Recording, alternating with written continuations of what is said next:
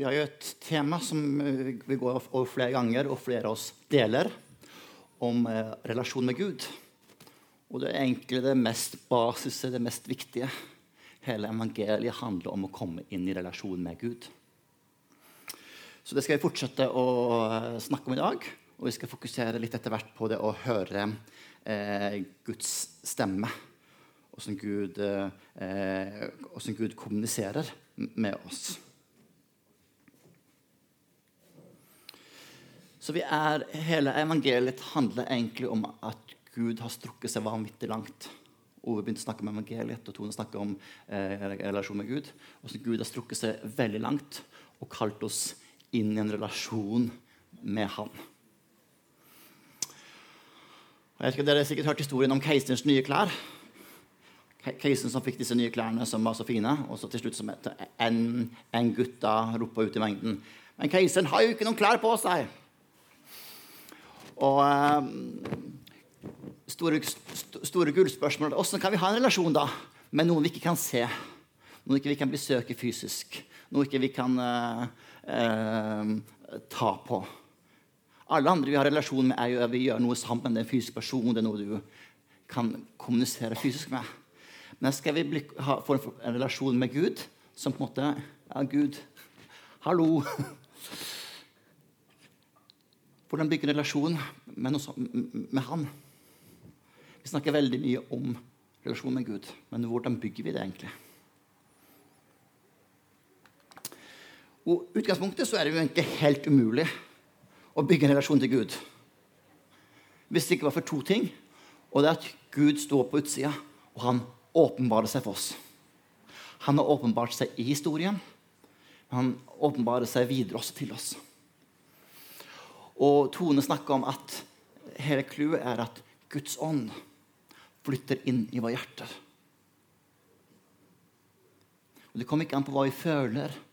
Av og til føler vi det, mange ganger føler vi ikke det.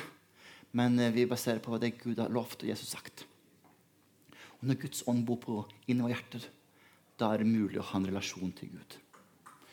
Tidligere var, i, i, Det gamle testamentet så var, bodde Guds ånd inne i tempelet. Det var kun en prest en gang i året som kunne komme inn i Guds nærvær.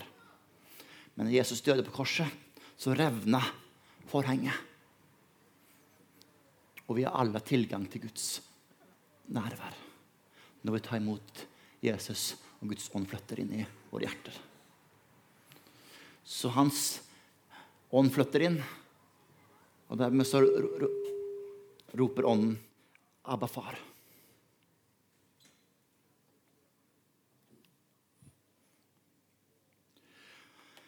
I vår kristne vandring så er det ulike arenaer vi møter Gud. Og det er ulike arenaer vi bygger relasjon på. Og det er eh, litt viktig for oss faktisk å eh, bli klar over at det er ganske mangfold eh, arenaer eh, vi bygger relasjon på. Når jeg traff eh, Gunhild, hun er på søndagsskolen eh, Når jeg traff henne så uh, var oppe i Trøndelag, og så uh, hadde vi en, en, periode med litt avstandsforhold. Og da var det brevskriving, og da snakket vi masse på telefonen. Så vi hadde ulike arenaer for å bli kjent. Men vi syntes det var, var, litt Det var veldig gøy, men det var litt uh, lite, så vi endte jo opp å reise og besøke hverandre. Og etter hvert så har vi gjort mer med ting sammen. Vi har på en måte eh, vært sammen med andre mennesker og på en måte blitt kjent med hverandre. Vi har eh, gjort arbeid sammen. Vi har pussa opp sammen. Da lærte vi å kjenne nye sider med hverandre som vi ikke hadde fra før. Vi har gifta oss og fått barn sammen. Og, eh, så, så, fra å bare, bare skrive brev til hverandre og snakke på telefonen, så har du på en måte utvikla forskjellige møteplasser der vi har bygd et liv sammen. På samme måte med du og Gud så har du ulike møteplasser. Det første er eh, Bibelen. Eh, der møter du eh, Gud. Han, eh, der møter du hva Gud har gjort i historien. Du møter personen Jesus. Og når Helligånd bor i deg, så er det ikke en død bok du bare leser. Det er ikke bare en, du har ikke relasjon med en konsept og en idé. Men Hellige Ånd er til stede, åpenbarer og skaper liv. Så via Bibelen så skaper du eh, liv og eh, bønn. Gjennom bønn kan du snakke med Gud. Du kan stå stille og høre fra Gud. Så det er et relasjons... Kan du si telefon opp til Gud. Lovsang er også et hjerteforhold der du kan møte Gud. Ofte når vi går inn i lovsangen, så opplever vi at Guds nærvær faller. Gud, Gud, Gud, er alltid nervende. men vi kan ofte oppleve det på en sterk måte i lovsangen. Og det finnes forskjellige måter å, å, å be, det finnes forskjellige lovsanger, men det er også et arena for å møte Gud. Fellesskapet. Jesus sa at det er to eller tre er samla i mitt navn, så jeg er midt iblant dere. Så kristenlivet som en solotripp så går det an. Du kan ha ditt liv med Gud i bønn og Bibel og lovsang. Men for å skikkelig oppleve fylden av Gud, så må det et fellesskap til. Og Paulus ber i Efesene at sammen med de hellige så kan du oppleve eh, eh, dybden av Gud. Så fellesskapet er også et eh, viktig område for å bygge relasjonen dypere. Det blir flere og flere bein å stå på i en relasjon med Gud. På samme måte som jeg og Gunhild vi hadde tid sammen. sånn sett, Men for å skikkelig bygge vennskap så måtte vi bygge vennskap sammen med andre. Det er mest som det er en ting å være sammen med bare jeg og Gunhild, men vi, hvis vi da går sammen med andre par og gjør ting, så utvikler vi også relasjonen oss imellom. På samme måte med din relasjon med Gud, så utvikler den sammen med andre i fellesskapet. Tjeneste er også et område du bygger relasjon til Jesus. Du er faktisk Jesu hender ut til mennesker. Og når du er Jesu hender, så blir du kjent med Jesus. Så det å tjene sammen, det er en måte du bygger relasjon på. Du hjelper andre. Du er Gud gjennom deg til mennesker. Andre opplever Gud sterkest når de går i naturen går en tur. Og I salmene så reflekterer en del av forfatterne over Guds skaperverk. Og de møter Gud der.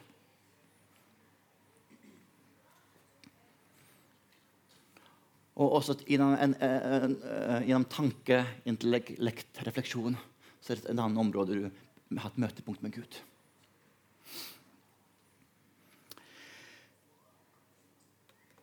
Mange av oss vi finner ut at kanskje eh, noen av, dette, av disse områdene er vårt hjertebarn. Noen på en måte er veldig glad i bønn. Noen er veldig glad i Bibelen. Noen føler jeg møter primært Gud når jeg går i naturen. Noen møter primært Gud når de tjener. Og det er bra at du har et hjertebarn, at det er på en måte et område du har, opp, fått åpenbaring og eh, opplever Gud sterk på. Men det er også viktig å ta i bruk de andre eh, redskapene. Du, hvis du er byggmester eh, mange, Du har en eh, hammer, kanskje hvis det er favorittredskapet ditt. Men ikke, det er lurt å kunne bruke de andre redskapene også. For å bygge styrke i forhold til Gud. Og Derfor har jeg tatt med en eh, til her som ikke vi er så flinke på i våre, våre eh, sammenheng. Faktisk tradisjon, ritualer, kunst, estetikk. Det er faktisk et område som også, eh, eh, folk også bygger relasjon med Gud. Opp gjennom kirkehistorien så har de vært veldig glad i kunst. Om du går i eh, ser Det sixtinske kapell eller glassmaleri og sånt. da. Det, det er ikke lagd der for de ikke hadde vanlig glass. Nordan fantes ikke, så da måtte vi lage et glassmaleri i stedet. De har kunstnere der som har på en måte ønsker å formidle noe til, til de som ser. At når de ser lyset komme inn der, så skal de få en opplevelse av hvem Gud er, og Guds nærvær. Og det er en side som ofte vi i våre tradisjoner vi på en måte ikke har prioritert. Men det er også en eh, skattkiste som vi kan grave i. vi, vi, vi kjører eh, årsjul med påske, pinse, jul og sånt. Og i det her tradisjonene, i ritualene vi har, så, eh, i det religiøse, så, så møter Gud oss også. Så, så, så, så bare vær obs på at det er en mengde ulike plasser vi kan bygge relasjoner med Gud med og, og ta i bruk flere verktøy du ikke har, har, brukt. Så dette var på en måte litt innledningen.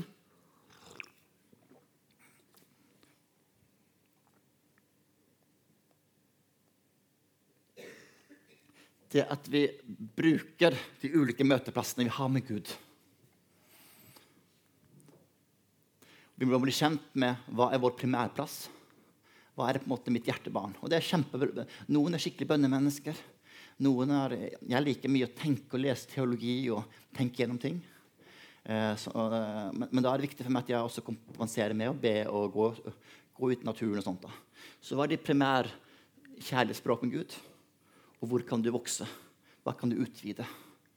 Utvide teltpluggene og bli bedre kjent. Hvis jeg og Gunhild kun hadde snakket på telefon, skulle vi blitt veldig kjent på en måte, men det skulle mange, mange områder vi ikke hadde blitt kjent på. Så hva kan du utvide? Når vi skal bygge relasjon med Gud, så er det både eh, kvalitet og kvantitet. Vi må sette av en viss tid, og den tiden er også greit at det er fokusert. Um, derfor kan det være lurt å sette av ti minutter hver dag stille, stille med Gud. 10 minutter, 15 minutter, for å kunne eh, bygge en relasjon. Andre, ja, Andreas er på andre benk. Hvis ikke vi på en måte har tid til å snakke i løpet av uka, så er det vanskelig å bygge relasjon. Eh, og hvis jeg da, når jeg skal sitte og bruke tid med Andreas, sitter bare og ser på telefonen Jeg gjør nok dessverre det. Eh, mer enn jeg burde. Eh, så er ikke det så veldig kvalitet over den tida. Eh, bortsett fra når vi da spiller Clash sammen. da. Uh, ja, spiller, uh, men uh, det er greit å ha en fokusert tid, og det er greit å ha tid. Og det samme i forhold til Gud. Vi trenger å både sette av tid, men også være fokusert. Så for å vokse i relasjonen så må vi ha en disiplin. Hvis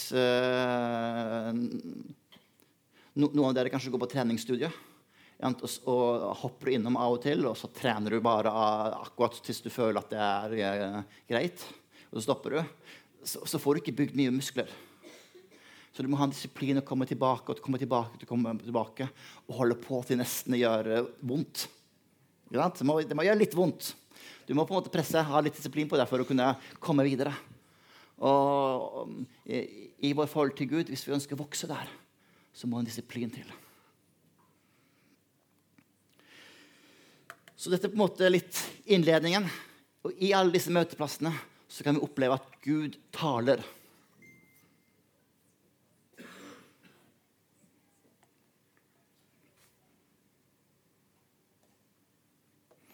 Nå har jeg powerpointen på mobilen og teksten på iPaden, så da må ikke det komme for mange meldinger inn. vet du. Da blir det sur her. Gud taler, og det er litt av Guds vesen at Gud er en Gud som ønsker å kommunisere. Gud skapte verden, universet og allting ved å tale. Så Gud er en søkende Gud som taler. Og opp gjennom hele historien så ser vi hvordan Gud kommuniserer med mennesker. Mennesker som har hørt fra Gud, har forandret historien.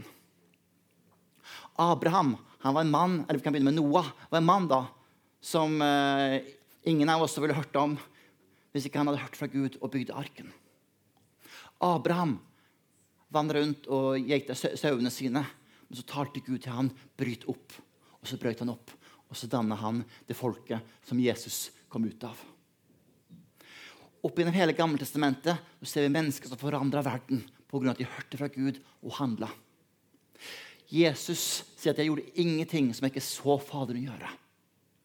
Paulus fikk livet sitt forandra for han hørte fra Gud.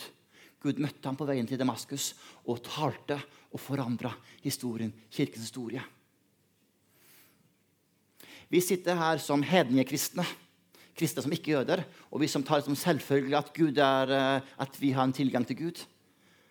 Men det er egentlig fordi at Peter og de første kristne hørte fra Gud og handla på det. Og inkluderte hedningene i den nye religiøse bevegelsen de eh, hadde starta. Vi, vi, er her som lutheraner, protestanter, pga. Martin Luther hørte fra Gud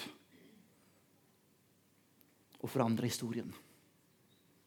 Vi sitter her på halv i dag for noen opplevde Gud talte og sa at vi skulle starte menighet her. Så historien er full av mennesker som har hørt fra Gud og forandret historien. Så derfor Når vi da vandrer med Gud, så er det vanvittig viktig å kunne lære seg å høre fra Gud. Så hvordan taler Gud?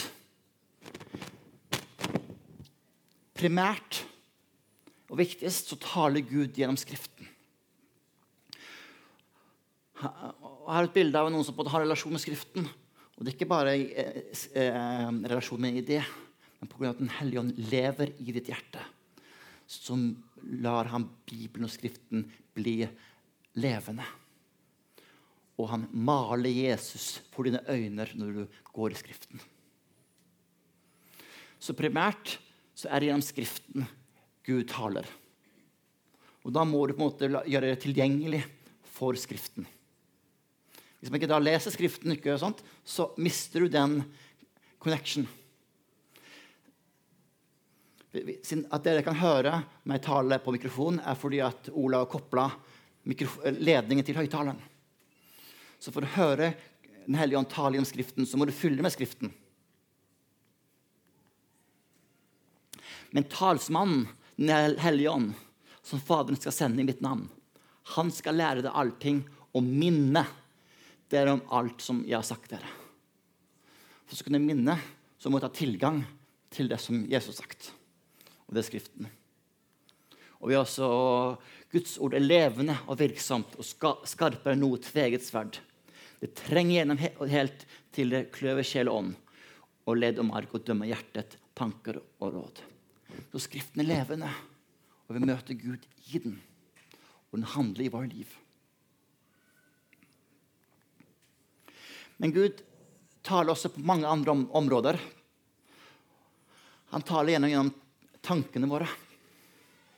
Eh, ofte når vi setter oss eh, ned og er stille, så kan vi få en tanke, i det. Kanskje det er fra Gud, kanskje ikke. Og spør er det til Gud. Er det det Gud er? Men gjennom tankene og ideer er en måte ofte Gud taler. Han kan tale høyt, og det er mange eksempler i historien han har gjort det. Men hørbar stemme. Men som regel så er det en stille, indre stemme. Han kan gi oss bilder. Se både i, i Bibelen og hører vitnesbyrd i dag. Om at Gud har talt gjennom et bilde man har fått Det kan være et fullstendig syn man er helt borti, eller bare en liten indre bilde som bare flasher opp. Vi leste om, i Apostelens gjerninger om, om, at folk har drømmer. Eh, Josef hadde en drøm. I Bibelen er det mange som har drømmer, drøm, drømmer og Gud taler gjennom drømmer. Eh, og det er en ting som Gud også taler i, i dag. Det er masse vitnesbyrd, spesielt blant muslimer at Jesus har åpenbart dem gjennom en drøm. Så drømmer er en måte Gud taler gjennom. Og så bare legge ting på oss, våre hjerter, følelser. For en magefølelse, vårt hjertevank. Vi føler for en, et valg vi skal ta, vi får oppleve fred. For Guds hjerte for noe. Jeg kan ofte få et fysisk bekreftelse. Mange som har gave med kunnskapsord. De, de sier at ja, det er noen her som har uh, vondt i høyre skulder. Eh, og oftest når du spør dem etterpå ja, hvordan fikk du det her, så er det veldig sjelden at de sier at jeg hørte en stemme som sa høyre skulder. Men de at, sier at ja, men jeg satt her, så begynte det å prikke veldig rart i skulderen der. Og da tror jeg kanskje det var Gud som ønsker å si noe. Så ofte kan det være en fysisk eh, ting for noen. Det kan være hørbar stemme. Det er kult. Den som forteller om at de hørte en, en fysisk stemme. Wow! Men det, det mer unntakene enn regelen. Eh, og ofte taler Gud til oss gjennom andre. Folk kan komme med, med, med noe, et ord og si at dette er ord fra Gud. Men det kan også være noe som er helt de ikke vet sjøl at de blir brukt.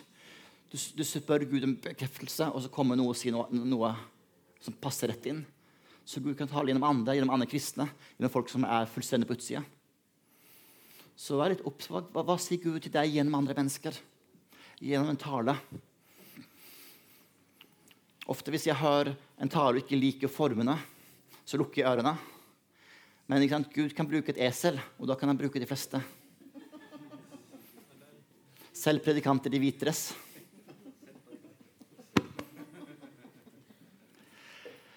Gjennom hendelser, gjennom opplevelser Gud la deg gå gjennom ting. Ofte vil han lære deg ting. Så la Gud tale gjennom eh, det du går gjennom, opplever.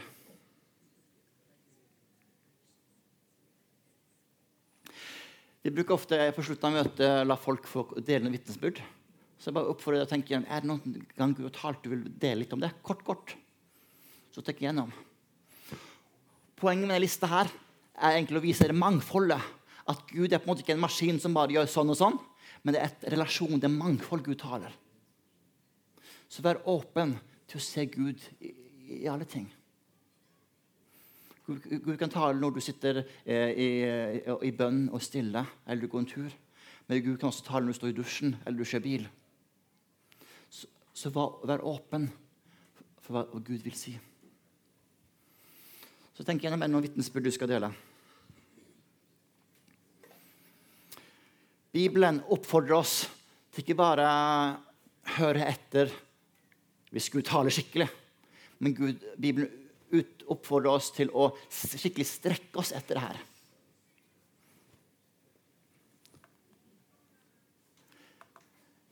Det skal skje de siste dager, sier Gud.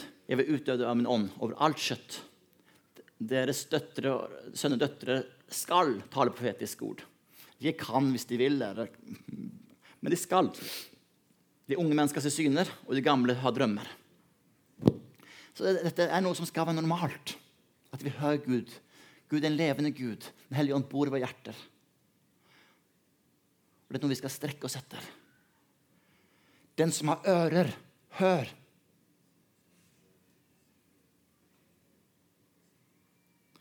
Uh, Andreas han, han, sitter, han har begynt å spille gitar. Og Da spiller han gjerne uh, gitar ganske høyt i kjelleren, og så har han uh, headset på ørene for å høre musikk til. Og, sånt, og så det, prøver vi å rope til Andreas. 'Andreas, er det, det er middag?' Og da ble ikke mye respons, for han, han er så inne i musikken. Ikke sant? Og, og, og, eh, det, det oppfordringen er at vi må faktisk høre etter. Vi må strebe etter det her. Jag etter kjærligheten, streb etter åndegavene, men mest er det å tale profetisk.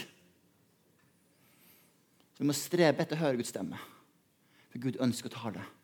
Det er Guds karakter at han er en Gud som taler. Han vil kommunisere. Han ønsker ikke at det skal være en enveiskommunikasjon, at du kommer med dine bønner, og så er det bare stillhet. Dette er noe han oppfordrer oss til å vokse i. Hvordan kan jeg da høre? For det ikke, Dette på en måte vanvittig banalt og enkelt, men samtidig vanvittig vanskelig. Og jeg, jeg selv synes jo Dette er, det er jo eh, et veldig utfordrende tema å stå og snakke om.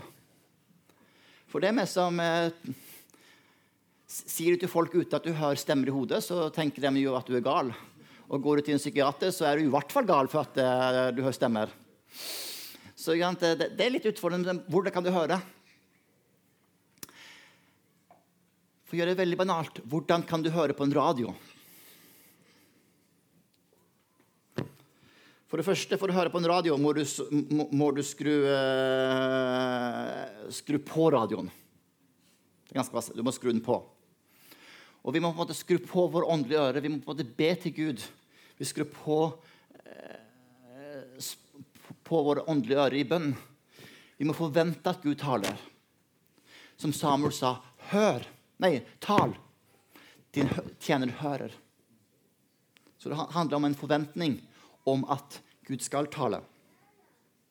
Vi må gjøres tilgjengelig. Vi må tro på det. Så vi må skru på radioen. Eh, men denne radioen her er ganske liten.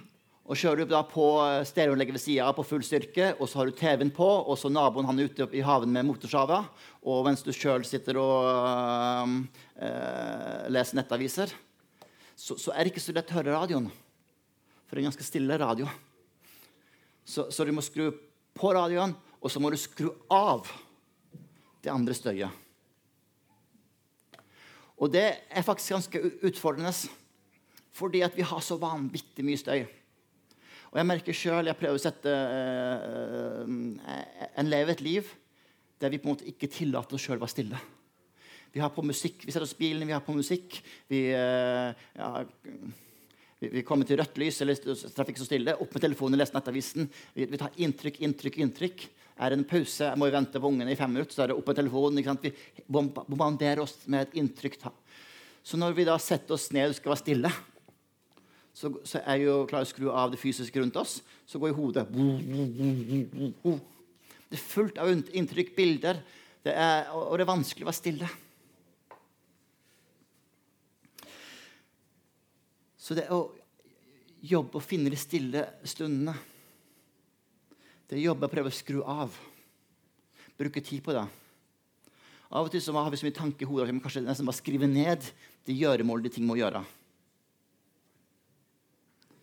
Bibelen kaller oss til å faste. Og Det er nettopp for å kunne klare å skru av. Ha litt større eh, områder vi faktisk skrur av. Det går an å faste fra mat. Det går også an å prøve å faste fra inntrykk. Jeg kjører rundt veldig mye bil. Eh, jeg jobber med oppsøkende salg, så jeg reiser rundt på kundebesøk. Selger forsikringer til bedrifter. Sitter mye i bilen. Og da har jeg både Spotify og, eh, og til og du hører på en måte masse ting og podcaster. Men ei uke før jeg skal tale, så, så, så uh, fant jeg ut jeg, lyst, jeg er kjempeglad i å, å, å, høre på romaner. Spennende thrillere og sånt. da. Eh, men ei uke før jeg skal tale, så tenkte jeg nei, det skal jeg vente med til eh, mandag. For jeg vet at Hvis jeg setter på en, en uh, roman som varer i 10-15 timer, på boka der, så blir jeg så opphengt i historien. Det, det, det, det, tar så mye fokus. Det er ikke noe galt med, uh, med romanen i seg sjøl, men det, tar min fokus. Jeg blir så opphengt i det. Og det er vanskelig for meg å være stille.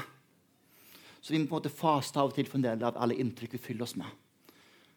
Så skru på og skru av.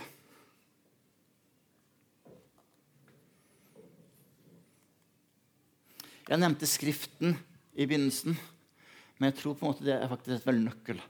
At vi på en måte bruker den til å tune inn.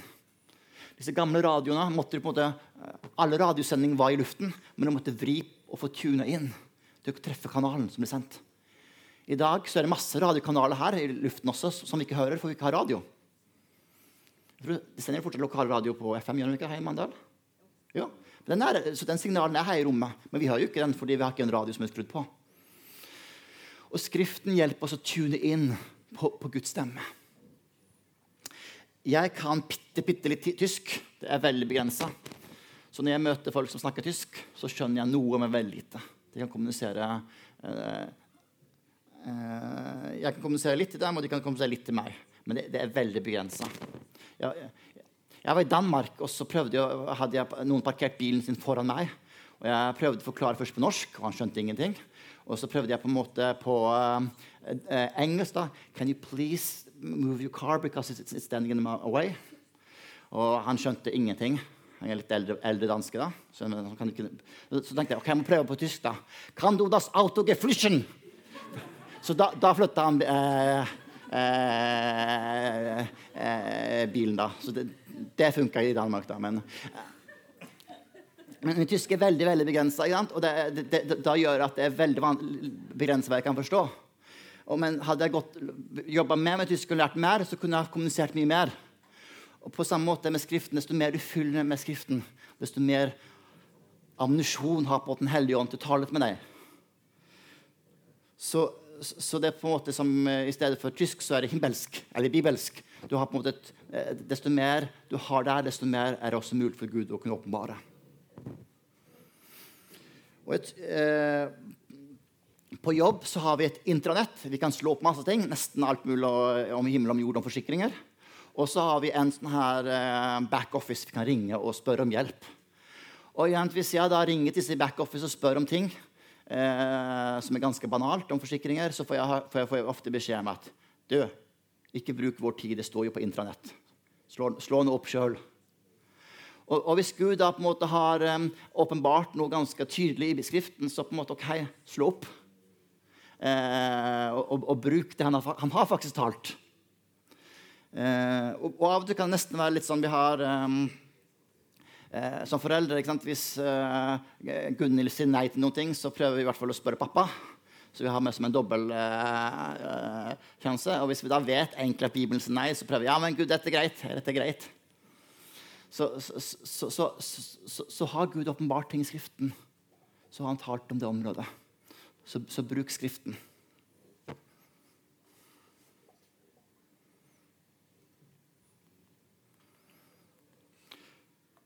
Så må en også spørre seg om er det noe som, er noe som hindrer meg å høre Guds stemme nå. Jeg kjøpte en kaffeapparat, sånn et stort monster som vi kunne bare putte inn eh, koppen og så trykke, og så fikk jeg en fin kopp kaffe kopp ut. Etter tre måneder så sluttet det her å virke. Jeg var helt død. Det irriterte meg. Den var kjøpt på Elkjøp, og så må jeg, jeg enten reise til Lyngdal eller til uh, Kristiansand for å bytte den. Så jeg satt der på benken og dro ut kontakten og demonterte alt sammen og sjekket at alt var greit. og Fikk plassert allting sammen igjen og rengjort den, og så satt i kontakten igjen. Eh, like så irriterende som du kjøper noe, og så varer det ikke lenger enn tre måneder. Så jeg er som, nesten som jeg forbanna denne kaffemaskinen. Eh, og så tenkte jeg sikkert satt meg av tid. Jeg skulle ta den her tilbake til Elkjøp. Og så løfter jeg den av, av, benken. Og da fant jeg plutselig ut at denne kaffemaskinen, ledningen, var to, eh, todelt. Altså Alle kaffemaskiner har jo ledning sittende fast i maskinen. Bortsett fra denne. Så det var mest som en led løs ledning på den. Så jeg hadde jo bare sjekka at ledningen var inni veggen. Jeg hadde ikke at ledningen var inni kaffemaskinen. Så da var det bare å plukke inn den. Den noen gått ut, og så funka allting kjempegreit igjen. da. Og, og eh, på samme måte med Gud så må jeg spørre er, er, er ledningen inne i begge ender. Er det ting i mitt forhold som på en måte hindrer Gud taler?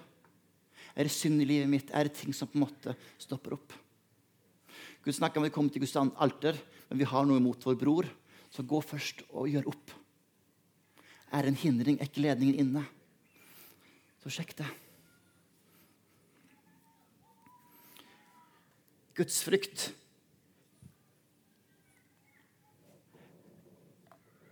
Bibelen sier at vi ikke skal slukke ånden. Vi skal ikke forakte profetord. Vi skal prøve alt og holde fast på det gode. Og det er viktig å prøve alt. Men det er viktig at vi ikke bare forakter. Ofte så er det så lett at Gud kommer med et ord, og så bare glemmer vi det. Og Hver gang Gud taler, og vi bare glemmer det, ikke tar vare på det, så blir vi på en måte mer og mer hard, hard, hardhuda. Så det er viktig å ta det seriøst. Hvis vi opplever Gud tale, så må vi handle. Vi må ikke forakte ordet. Vi må ikke slokke ånden. Samtidig må vi prøve alt. Så Det er sånn tosidighet. Ta vare og prøv. Hold fast. Hold fast på det som er bra. Så den praktiske tror jeg at gjør disse tingene, så er i hvert fall det lettere å høre. Dette er kjempebanalt enkelt men samtidig kjempevanskelig. For vi lever i en kultur der vi fyller oss opp med så vanvittig mye inntrykk. Så vanvittig vanskelig å være stille.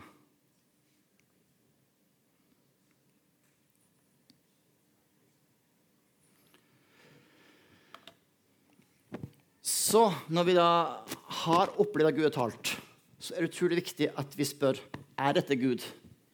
Er det virkelig deg, Gud? Er det fra deg, eller er det bare en idé jeg fikk? Og det er to litt filter vi kan bruke for å sile bort det verste. Det første filteret er egentlig veldig absolutt. Hvis, det, på en måte treffer, hvis det ikke går gjennom den silen, hvis det ikke passer der, så vil jeg si at du bør bare kaste bort det. Det er ikke fra Gud. Første spørsmål må du si at er dette i samsvar med hvem Gud er? Er det i samsvar med hvem hva, hva hans ord har talt. Med Guds ord. For kaller Gud det til å gjøre noe som strider med Guds karakter eller Guds ord? Du føler at ja, jeg, jeg, kan forlate kona fordi jeg føler det sånn. Men hva, hvem er Gud, og hva sier Gud i hans ord? Så strider det det du eh, opplever, og tankene, ideene og bildene med den, hvem Gud er, hans karakter og hva han har talt generelt, så kan du egentlig forkaste det.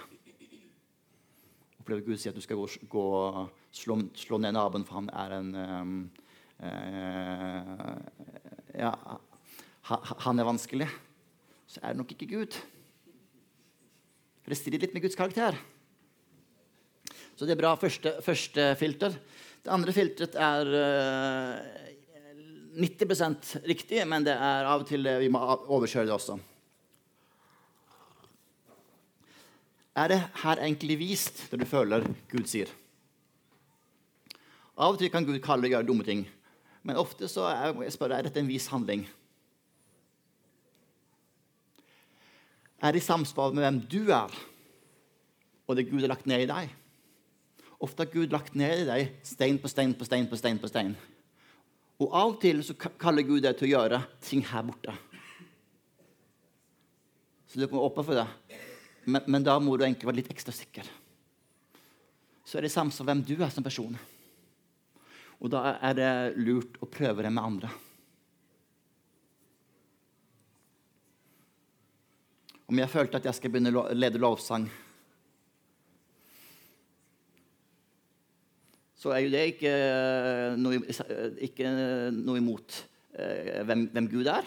Han har jo elsker lovsang, og det er ikke noe imot Guds ord at jeg skal lede, lovsang. Men når jeg begynner å spørre om jeg er dette vist, ja, er dette i samsvar med enkle Gud og de talentene og gaver Gud har lagt ned i meg? Jeg spilte jo blokkfløyte i syv år, og, eller seks år i hvert fall, og eh, fikk egentlig ikke til det. Så det er en del ting som det handler om å øve, men en del ting handler om litt mer. Så kanskje det å bli lovsangsleder ikke er eh, samsvar med det Gud har lagt ned i meg. Av og til så kaller Gud oss til noe helt annet. Men ta i hvert fall da og prøv det samme med andre og spør. Spør, spør, spør, Ove, Syns du at det er greit at jeg blir lovsangsleder? og sånt da? Kanskje jeg må ha en audition med Marit her og se om jeg kan synge. Så, så, så, så, det er lurt å ha en del sånne filter. Så er filter, så har vi noen snarveier faktisk, som gjør det lettere for oss å høre fra Gud. Jeg syns det er vanvittig vanskelig å høre når det gjelder mitt eget liv. Jeg spør Gud skal jeg gjøre det her. Og så har jeg så mye egne ønsker og så mye egne tanker. Og, og, da ble jeg bombardert av egne ideer og sånt, at det er utrolig vanskelig fra Gud. Men det er faktisk lettere å høre fra andre, spesielt folk du ikke kjenner. Så det er et tips. Om vi skal begynne å høre Guds stemme, begynn å be for andre. Hvis du på en måte, Spesielt i forbønn så kan jeg få et bilde, jeg kan få et skriftord. og sånt da. Så deler du det, så, så, så, har jeg opplevd mange ganger at dette var skikkelig viktig for meg. Dette, gav, dette var fornuftig. Dette var rett spot on. Så når jeg er i bønn for andre, så er det faktisk mye lettere å høre fra Gud. Så begynn å praktisere det i, i, det små, i husgruppe, i trygge omgivelser. Jeg har også opplevd at eh, når Gud gir meg en tjeneste, når Gud gir meg et mandat, så vil Gud også gi meg et, eh, faktisk en lettere en salvelse, en lettere til å høre Guds stemme i de områdene. Blir du satt til å lede møte, blir du satt til å lede ungdom, blir du satt til å lede en husgruppe, så gir Gud ofte en kappe, en ekstra mandat til å høre fra Han på de områdene.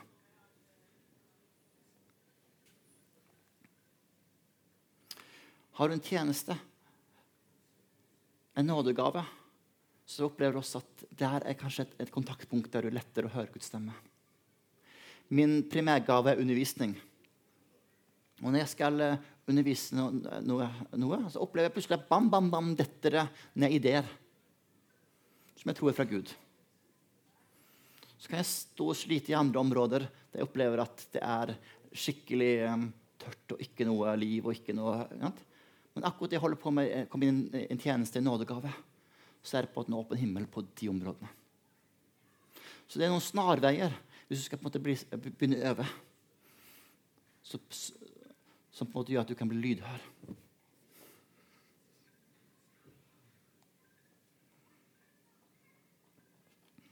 Så er det absolutt det viktigste Obs, obs, obs. Det er presentasjon. Det er viktigere hvordan du sier ting enn hva du sier. Så tenk hvordan du skal si ting. Jeg, er veldig skeptisk når jeg hører folk komme med sånn her Så sier Herren. Gjerne med litt sånn vibrator. Så sier Herren! For det ligger så mye makt og mulighet for manipulasjon i en sånn utsagn. Jeg er litt sånn opprørsk av meg. Så når jeg er på møte og jeg får den der, så har jeg nesten lyst til å hoppe opp og legge på doble vibrator og si Så sier Herren! Det har jeg slett ikke sagt! Fordi hvordan du sier det, kan nesten bety veldig, veldig mye. Hvis jeg sier at Gud har sagt bla, bla, bla og setter jeg dere andre på en måte nesten i en sjakkmatt for å kunne prøve det jeg har sagt. Men si at når jeg var i bønn, så kom denne tanken til meg. Og jeg har spurt Gud resten av uken er det fra Gud. Og jeg føler en fred i mitt hjerte. Så jeg har lyst til å dele det her med dere. Hva tenker dere? Så det er egentlig samme budskap. Men det formidler på en helt annen ydmykt måte. Og dere som tilhørere, er på en måte ikke sjakkmatt. Dere kan få, gi rom, jeg gir dere et rom til å prøve det jeg har sagt. Ser dere forskjellen? Og spesielt i et lederskap. Jeg har sittet i lederskap der du på en måte får eh, ting servert. OK, Gud har talt. Og det er så vanvittig vanskelig for de andre å kunne, eh, å kunne eh, bedømme det. Ikke, ikke her lederskapet, her bare for å undertrykke. Men, men, men eh, du, du, andre, hvis du setter spørsmålstegn, så er du plutselig slangen i paradis. Har Gud virkelig sagt? Men hvis du som leder har sagt ok, jeg opplevde, jeg hadde denne drømmen, jeg hadde den tanken, jeg, fikk, jeg, jeg, jeg leste Bibelen, og dette ordet slår meg skikkelig Hva tenker dere? Så er det mye lettere for de andre å prøve.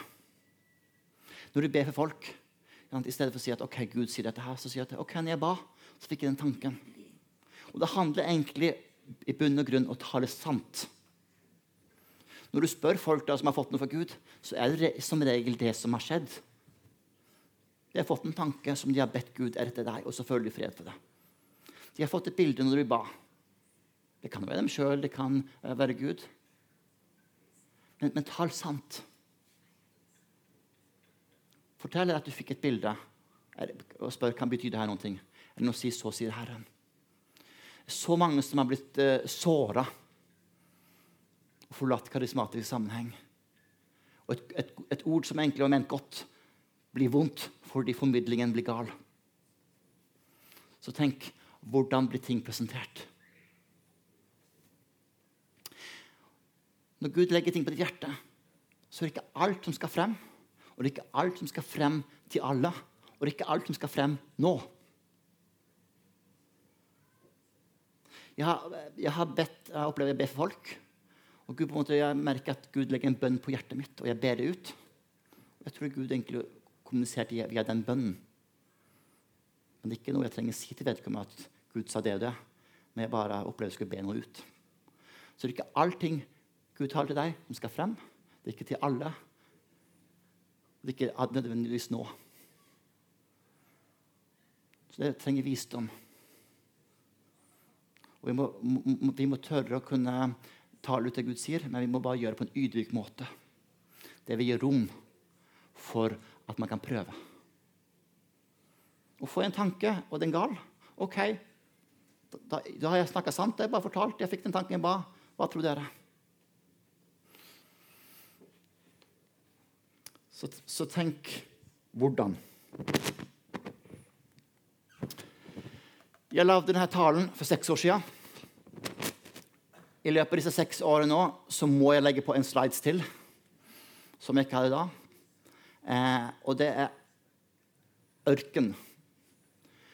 Når Gud er stille.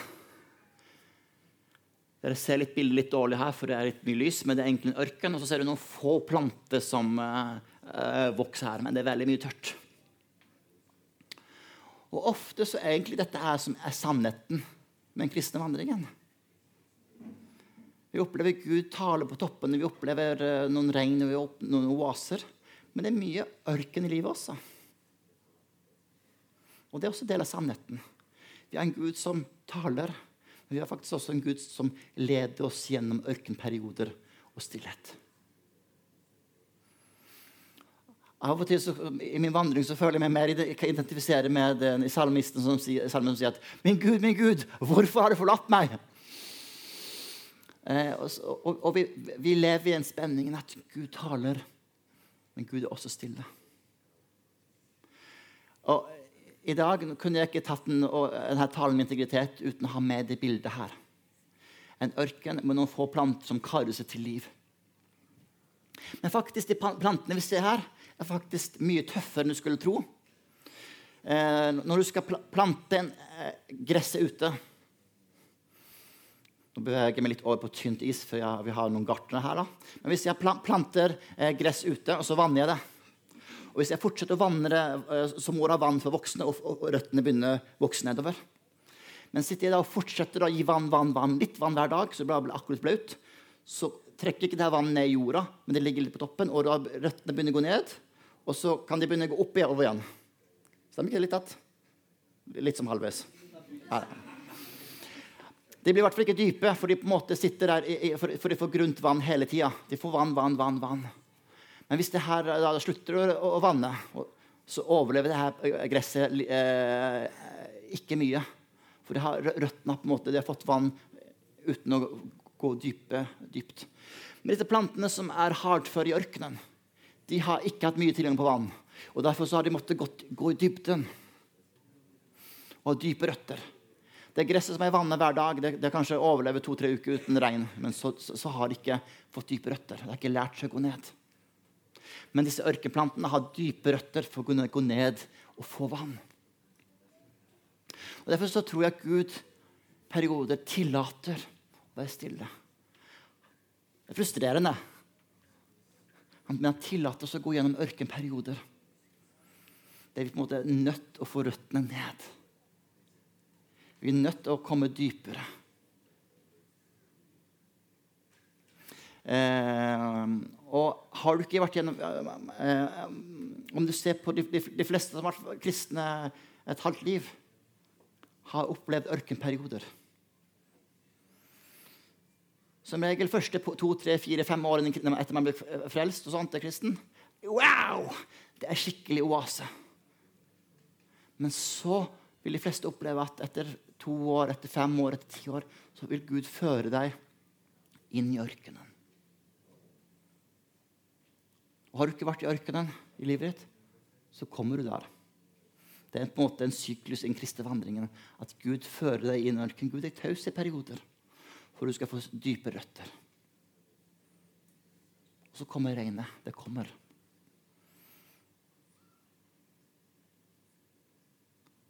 Men det er en vandring i livet. Det er en syklus i livet. Det er helt normalt. Og disse plantene her i ørkenen de er mye mer robuste enn de haveplantene vi har hjemme. For Gud ønsker ikke at du bare skal være, eh, leve et overflatisk liv. Han ønsker å gjøre dype røtter. Han ønsker å gjøre deg robust og sterk. Har du ikke vært i, um, i ørkenen The bad news er at kom, Gud kommer til å lede deg inn i ørkenen. The good news, de gode nyhetene, det er at selv om jeg vandrer i dødsskyggens dal, så er du med meg. Selv om du ikke føler Gud er i ørkenen, så er han der. Og han gjør det sterkere. Så vi lever i spenningen at ting er stykkevis og delt nå. Gud taler. Han leder oss inn i stille, stille stunder. Og Det er en spenning vi lever på mange områder. Vi opplever helbredelse. Vi opplever at folk ikke, blir syke, ikke alle blir friske. Og Mange av de som på en måte har sterke helbredelsestjenester, opplever mye sykdom sjøl og, og, og, og, sykdom i egen familie. Vi lever en spenning her. Men snart skal vi se ting fullt ut. Snart så er det et himmelrike til oss. Vi ser stykkvis nå, men vi skal se fullt ut. Så Derfor kan jeg ikke tale om å høre Guds stemme uten å ha med dette aspektet. Jeg vil avslutte med to ting. Jeg vil avslutte med et sitat jeg har lagd sjøl. det er veldig gøy. Gud er ikke Siri, og Siri er ikke Gud. Den er ganske dyp. Vi har jo på en måte, vi som iPhone vet vi kjenner jo Siri veldig godt. Siri er vår beste venn. Vi snakker med Siri hver dag. Eh, Siri hjelper oss med allting. Siri, åssen været blir det, så får du svar. Siri svarer på allting. Eller som dere eh, eller google hvem det ikke sant? Eh, men, men, Gud er ikke sånn. Gud er ikke en maskin. Gud er en person. Det er ikke sånn at du er en colaautomat du putter på en bønn, og så trykker på knappen, og så kommer det svar ut. Gud, Gud er ikke en maskin, men han er en person du vandrer med. Så Gud er ikke Siri. Og Av og til så behandler vi Gud som Siri. Og Siri ikke er Gud, Siri er ikke Gud. Av og til behandler vi jo nesten Siri som Gud. Vi, gir, eh, vi, vi, sitter og har et viktig møte, så, så rister litt i lomma, og så Den må jeg sjekke. Vi gir på en måte den, eh, det, det, er faktisk skummelt når man så Apple har begynt å gi oss ukentlig skjermtid. Hvor mye tid som egentlig går, går med på skjermen. Hvor mye oppmerksomhet. Eh, og hadde vi gitt den oppmerksomheten til Gud, wow, hva ville skjedd? Det handler på en måte ikke om å bruke masse tid og bønne og faste, men det, men det handler på en måte om å være tilgjengelig. Et sitat fra en predikant som sa at en sånn her kjent, storkjent, husker ikke hvem det var, men han sa at jeg ber sjelden mer enn fem minutter. Men det går sjelden fem minutter mellom hver gang jeg ber. Du har på en måte den connection. Du har på en måte fire streker med Gud hele dagen. Du er på en måte på. Du trenger ikke si så mye hele tida, men du har med Gud i hverdagen. På jobb, i bilen, i dusjen. Så er du på en måte på.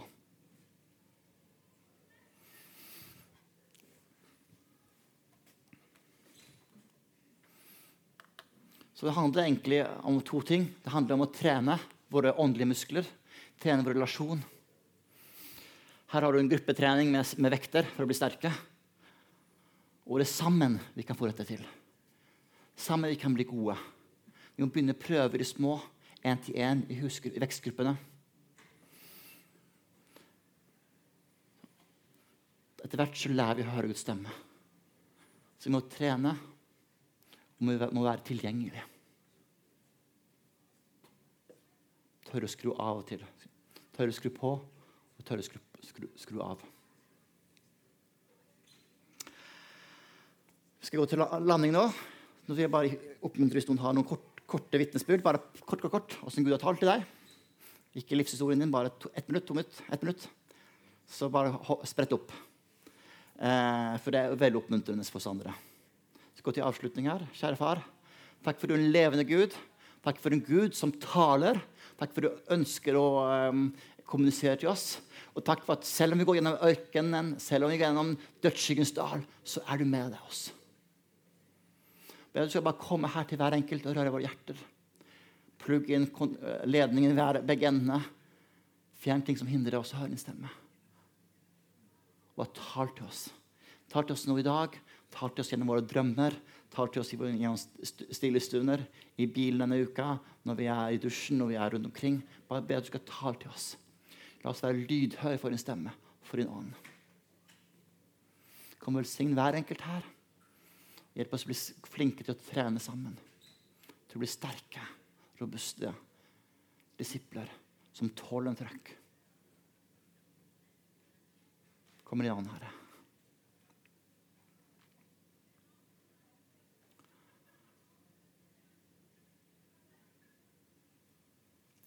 Amen.